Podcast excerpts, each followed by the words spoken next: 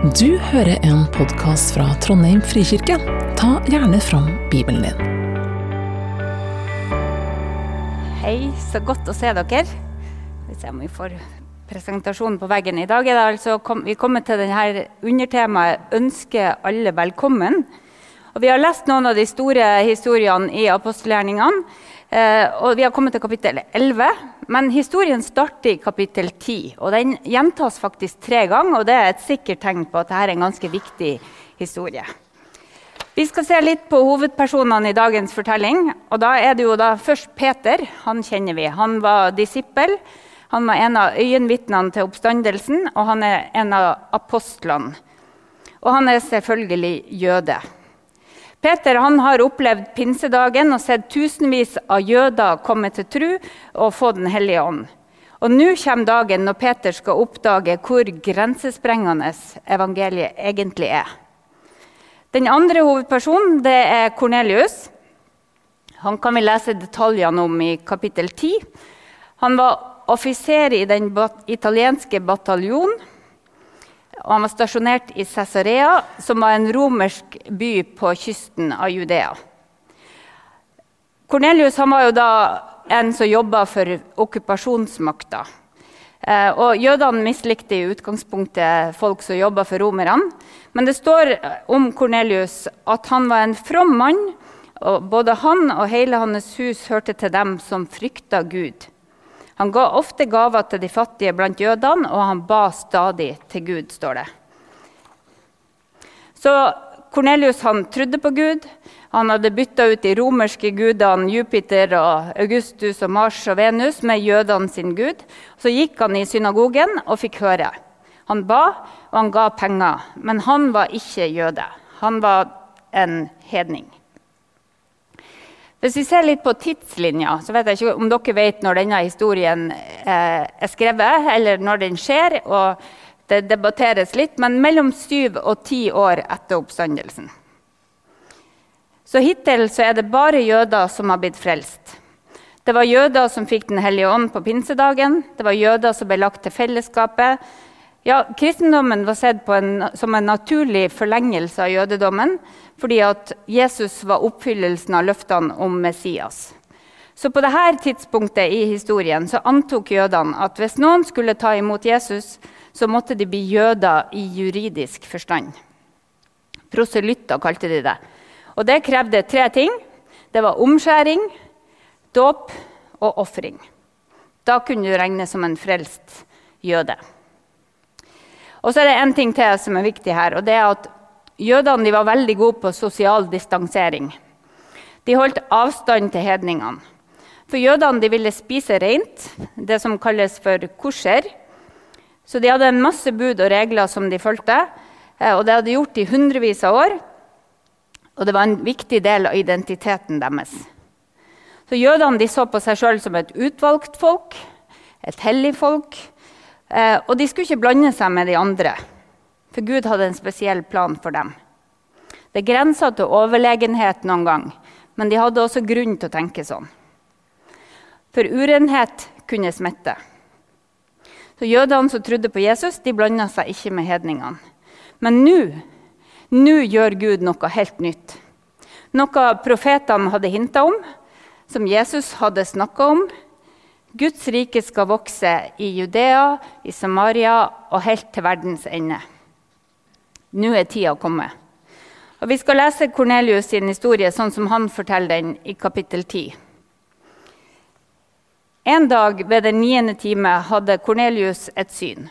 Han så tydelig en Guds engel som kom inn til han og sa, 'Kornelius.' Kornelius stirra og, og sa forferda, 'Hva vil du, Herre?' Engelen svarte, 'Dine bønner og gaver til de fattige har steget opp til Gud, så han er blitt minnet om deg.' Er ikke det fint? Dine bønner og gaver til de fattige har steget opp til Gud, så han har blitt minnet om deg. Nå skal du sende noen menn til Jaffa for å hente en mann ved navn Simon med tilnavnet Peter. Han er gjest hos garveren Simon, som bor i et hus nede ved sjøen. Da engelen som talte til han var borte, så tilkalte Kornelius to tjenere og en from soldat fra livvakta si. Han forklarte dem saken og sendte dem av sted til Jaffa.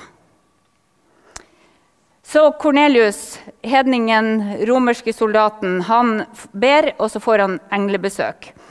Og Engelen gir en detaljert beskrivelse om at han skal sende sine menn til ett spesifikt hus i en spesifikk by. Og her ser dere på kartet, Den røde ringen i nord eh, viser Cesarea.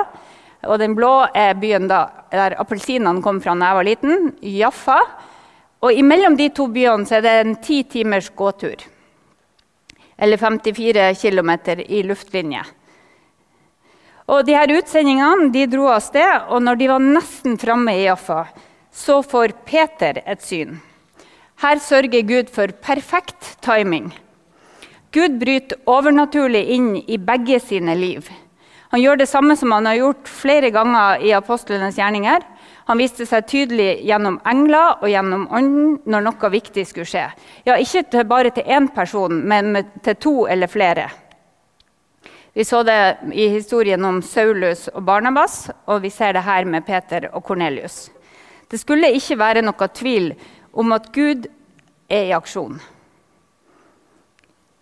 Så Peter forteller sin side av historien i den teksten som Torgeir leste. Og Kortversjonen er at Peter er i Jerusalem, der han må forklare for de omskårne, de ekte jødene, hva som har skjedd. Og Han forteller altså jeg var i byen Jaffa, og mens jeg var på taket og ba, så fikk jeg et syn. Noe dalte ned, akkurat som en stor duk, det ble firt ned fra himmelen etter de fire hjørnene, og så kom det helt ned til meg. Duken var full av firbeinte dyr, ville dyr, krypdyr og fugler.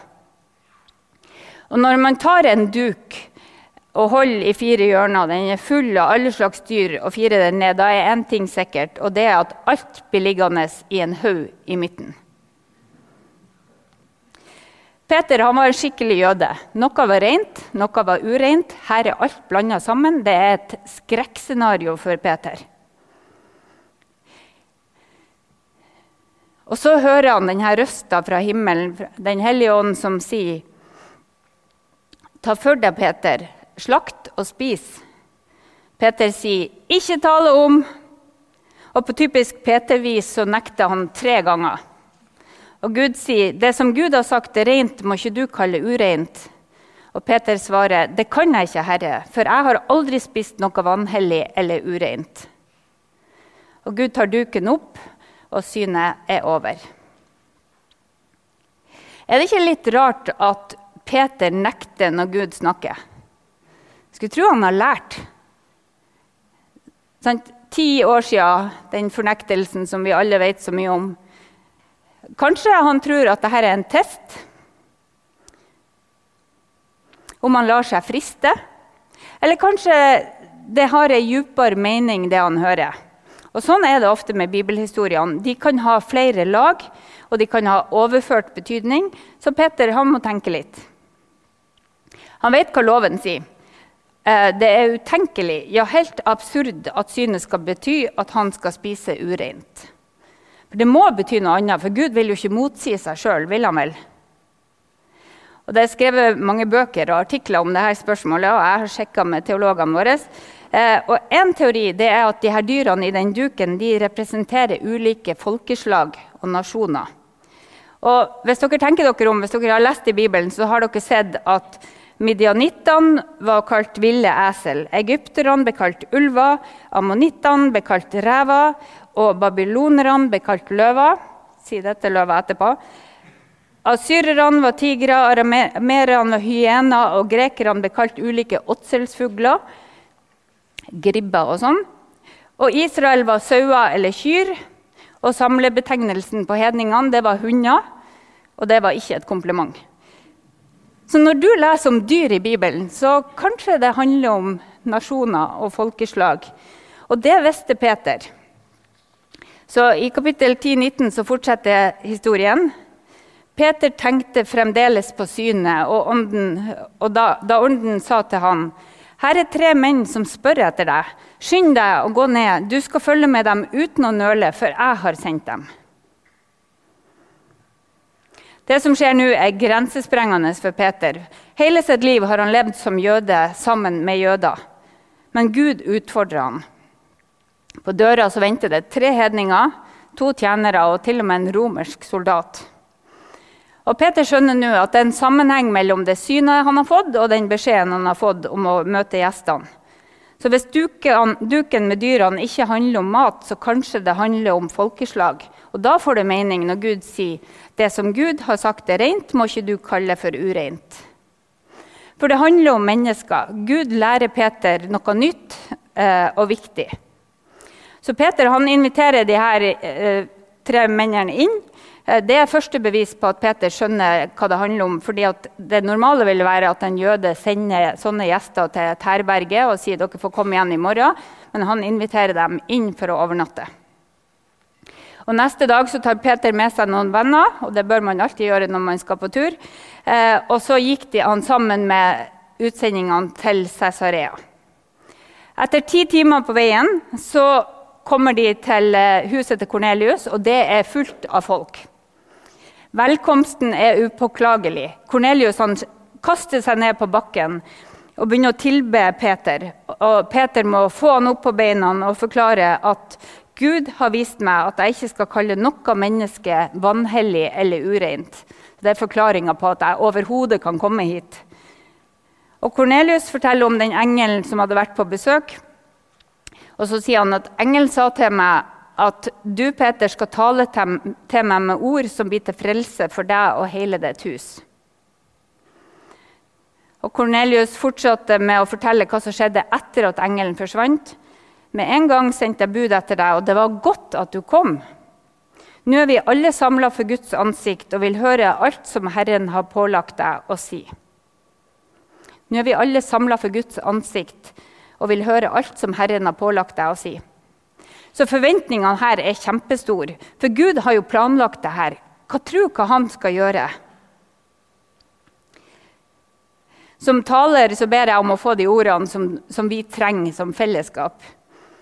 For tenk om Gud har en plan. Det er ganske viktig å huske både når man forbereder seg og når man sitter og lytter, at kanskje Gud har en plan. Kanskje Gud har noe for oss. Det kan vi jo tenke på.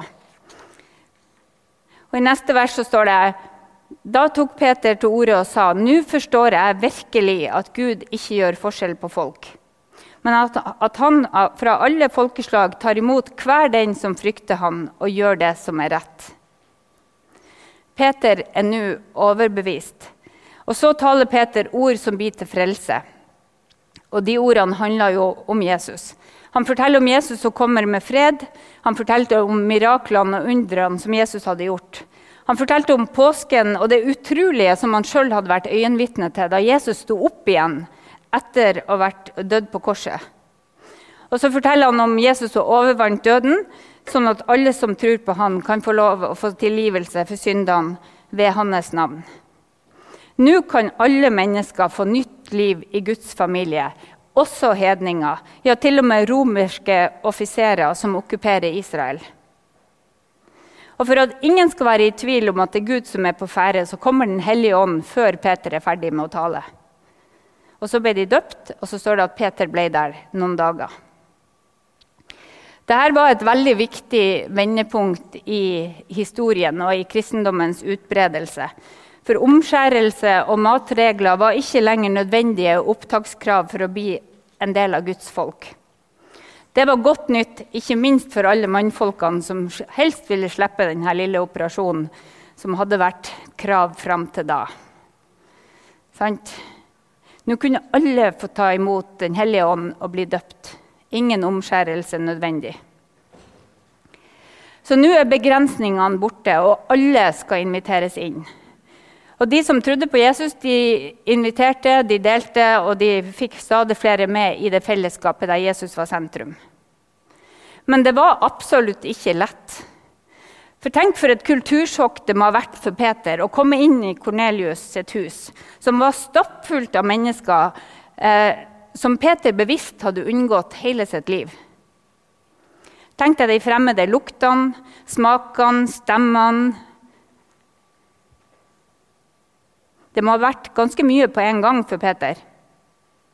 For det er ikke så enkelt å ta imot dem som tenker annerledes. Dem som gjør ting litt annerledes. Det krever arbeid og vilje. Og Litt senere i apostelgjerningene så ser vi at Peter ikke lenger vil spise med hedninger. Det ble etter hvert for vanskelig fordi at konflikten mellom romerne og israelittene ble tøffere og tøffere. Og det å spise sammen med noen kunne jo tyde på at du samarbeider med dem. Så etter hvert så slutta Peter å spise med dem.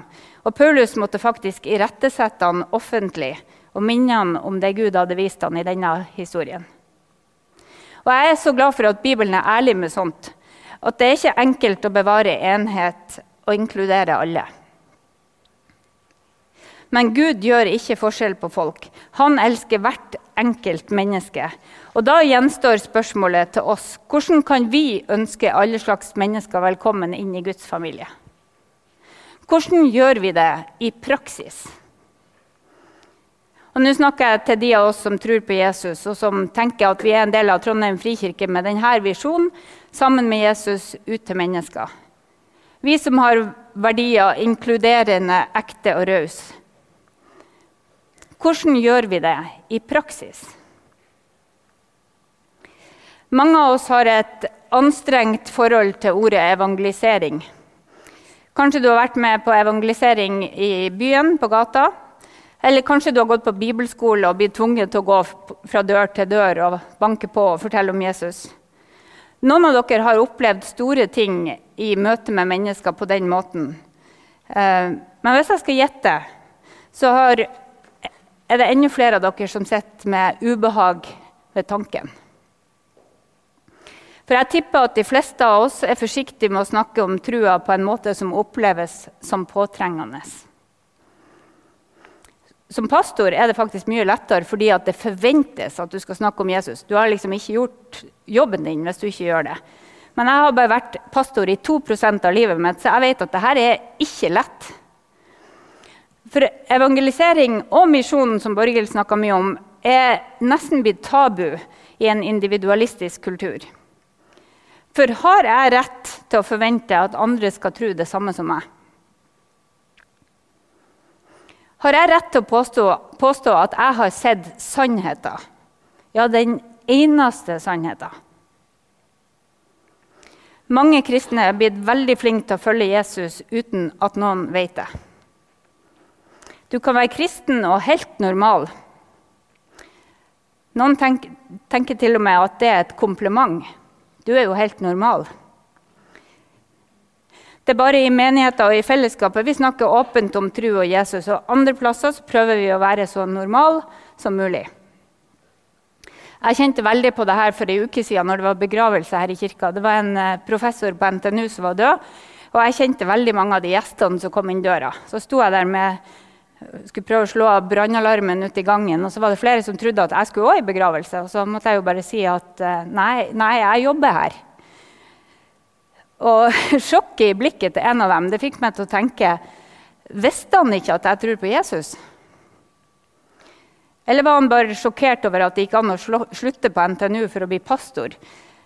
Uh, jeg er ikke sikker. Jeg prøvde å tenke tilbake til de møtene jeg hadde med han, og så tenkte jeg at uh, jo, det er i kirka og med gode venner jeg alltid har vært åpen om tro. Men i mange andre sammenhenger så har jeg vært stille, sånn at jeg ikke skal bli sett ned på, ikke skal bli utfordra og i hvert fall ikke få de her ekle spørsmålene som jeg ikke syns er viktige, men som ser ut som alle andre syns er veldig spennende å snakke om. Kjenner du deg igjen? Er det noen som kan si ja eller hm? Et eller annet sånn. Gi meg en lyd. Kanskje det skjer uten at du tenker bevisst på det. Og når vi lever et liv som hemmelige kristne, så er vi kanskje attraktive venner og medarbeidere. Men vi blir sjelden overraska av Guds kraft og Guds planer. Jeg kommer stadig tilbake til det som James Hunter sa om at kristne i hovedsak har valgt å forholde seg på én av tre måter i møte med verden. Det ene er å isolere seg fra resten av verden og preges av angst for den. Nummer to er å bli så relevant for verden at kirka i praksis blir helt lik verden. Eller nummer tre være fiendtlig innstilt til verden og opptatt av å vinne over verden, koste hva det koste vil. Og Hunters sitt forslag til en ny vei er det han kaller 'faithful presence', eller trufast tilstedeværelse. Jeg har sagt det her til dere før, og dette begrepet har blitt så nyttig for meg, både i jobben og blant venner. Eh, for Gud er jo trufast til stede hos oss med sin Hellige Ånd. Og så kan vi få lov å være trufast til stede i verden, der vi bor, der vi jobber, i de relasjonene som vi er i. Og Da kan Gud bruke meg og deg til å ønske andre mennesker velkommen i Guds familie. For Gud er fortsatt i arbeid i vår verden. Jeg gjentar det i nesten hver bidige tale. Vi kan få lov å be om å få se det som han gjør. For Gud snakker fortsatt til enkeltmennesker om enkeltmennesker, sånn som Peter gjorde med Kornelius.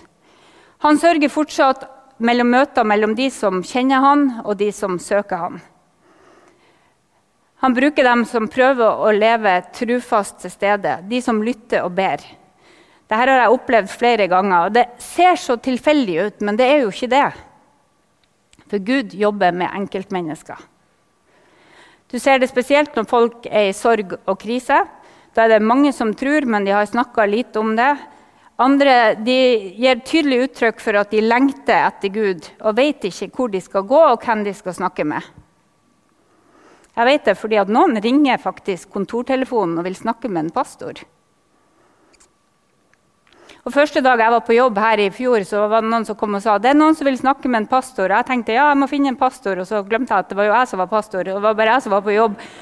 Eh, og så spør han, og så spør han eh, vedkommende om Eller han sier 'jeg vil bli en kristen'. Aldri møtt han før. Kanskje dere har møtt han, men han kom på gudstjeneste for å bli kristen. Gud jobber fortsatt med enkeltmennesker. Du har sannsynligvis mennesker rundt deg som ønsker et fellesskap der de kan få hjelp til å lære om Jesus og til å følge ham. Vi må ikke tenke for smått om Jesus og det han er i stand til å gjøre. Både gjennom oss og blant oss. Jeg må ikke tenke for smått om hva det betyr å være trufast til stede i hverdagen sammen med mennesker som Jesus allerede jobber med. Vi må ikke tenke for smått om det vi driver med i Trondheim frikirke. Vi kunne hatt mange flere på gudstjeneste. Ikke tenk for smått om det, for din trofaste tilstedeværelse kan bety så enormt mye for dine venner og kjente. Å evangelisere koker ned til å invitere. Invitere mennesker inn i livet ditt, inn i trua di og inn i fellesskapet ditt. I Johannes 1,45 står det hvordan disiplene til Jesus ble disipler. Jeg leser denne korte historien. Philip traff Nathanael og sa til han, Vi har funnet han som Moses har skrevet om i loven, og som profetene har skrevet om. Det er Jesus fra Nasaret. Josef sin sønn. Kan det komme noe godt fra Nasaret, sa Nathanael. Philip svarte, Kom og se. Kom og se, sa Philip til Nathanael. Og Nathanael fikk møte Jesus og ble en av de tolv første disiplene til Jesus. Det var en enkel invitasjon. Kom og se. Vi har funnet ham. Vi har sett Jesus. Kom og se. Og Den store fordelen med å høre til i et stort fellesskap sånn som her, er jo at vi kan si 'kom og se', og så er ikke du den som må være den store taleren eller flink til å forklare og svare på alle spørsmål. Du kan bare si 'kom og se'. Kanskje du går på Støperiet og Frik og Speideren eller Alfa eller Språkkafeen og gudstjenesten. Så inviter noen med og si 'kom og se'. Hva er det verste som kan skje? Kom og se. Jeg er sikker på at det er folk rundt deg som venter på en invitasjon. Mange leter etter fellesskap, og mange har ei hemmelig tro. Men terskelen til kirka er høy når du kommer alene. Mye mye lavere hvis noen inviterer deg. Og I overgangene i livet er det mye lettere å begynne å gå i kirka. Så kanskje du kjenner noen som nettopp har fått barn, eller nettopp har flytta hit, eller som ser ut som de er på leiting etter et fellesskap. Be om å få se hvem Gud jobber med, og så inviter. Kom og se. Og bare Gud vet hva som kan, skje når vi inviterer, og han får lov å gjøre resten. For Guds rike det vokser, det vokser og det sprer seg, på tross av de vi er. Bare tenk på Peter. Gud han setter himmel og jord i bevegelse for at Kornelius skulle få lov å bli frelst. Og Gud gjør fortsatt det med dine venner og bekjente. Jo da, vi kommer til å fremstå som rar. Vi kommer til å bli svar skyldig. Vi kommer til å bli avvist noen gang. Men ingenting av det kan måle seg med det som skjer når et menneske tar imot Jesus og finne hjem. Himmelen feirer, og du får lov å være en del av det. Så be om at du får lov å være trufast til stede, og at du får mot til å invitere og si 'kom og se'. Vi har en Gud som kan bruke helt vanlige mennesker til å gjøre ekstraordinære ting. Han forandrer fortsatt liv. Han gir fortsatt håp for liv og evighet. Han gir fortsatt tilgivelse og fred. Han gir mening og retning. Ja, han har planer for deg. Og Gud takler rotet vårt, alt som er knust, alt som har gått i stykker, alt som er vondt. Skammen, sorgen, ja, hele livet. Så du må ikke tenke at nei, han passer ikke inn, eller hun passer ikke inn. Det kan hende akkurat dem som skal inn. Du kan ikke frelse verden, men Jesus frelser verden. Og han gjør det ett menneske om gangen. Kanskje du kan invitere en eller to og si 'kom og se'. Bli med meg i ei bønn. Kjære Jesus, jeg takker deg for dine ord. Jeg ber om at du gjør oss modige, sånn at vi tør å invitere. Hjelp oss du til å være trufast til stede og til å følge deg Jeg ber deg, Herre, om at du hjelper oss til å se det du ser. Hjelp oss til å være et fellesskap som ønsker velkommen. Amen. Takk for at du hørte på. Velkommen til gudstjeneste søndager klokka 11. Mer informasjon finner du på trondheim.frikirke.no.